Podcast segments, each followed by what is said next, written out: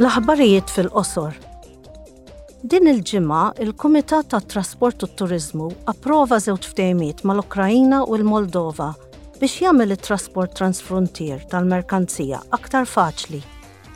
Il-ftehimiet se jiffaċilitaw it-trasport tal-merkanzija bit-triq billi jippermettu lit-trasportaturi Ukreni, Moldovani u tal-Unjoni Ewropea jgħaddu mit-territorju ta' xulxin mingħajr ma jkollhom bżonn ta' permessi relatati. Il-ftehimiet huma parti mir-rispons tal-Unjoni Ewropea għat-tħarbit fis-settur tat-trasport fl-Ukraina u l-Moldova kkawżat mill-invażjoni Russa mhux ġustifikata.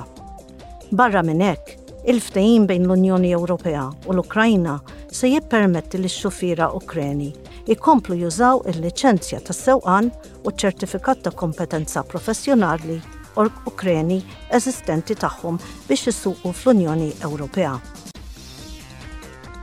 Din il-ġimgħa wkoll il-membri parlamentari Ewropej tal-Kumitat għat-Trasport ivvutaw fuq regoli ġodda dwar sistemi ta' trasport bitri intelligenti biex jagħtu spinta lid-diġitalizzazzjoni fis-settur tat-trasport.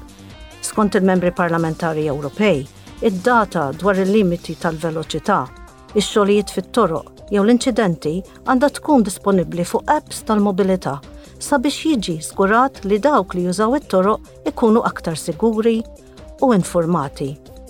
Minbarra l-limiti tal-veloċità, il-pjanijiet taċ-ċirkolazzjoni tat-traffiku jew ix-xogħlijiet fit-toroq huma jissuġġerixxu l-inklużjoni ta' data dwar l-infrastruttura ta' fjuwils alternattivi, inċidenti u kondizzjonijiet ħżiena tat-toroq.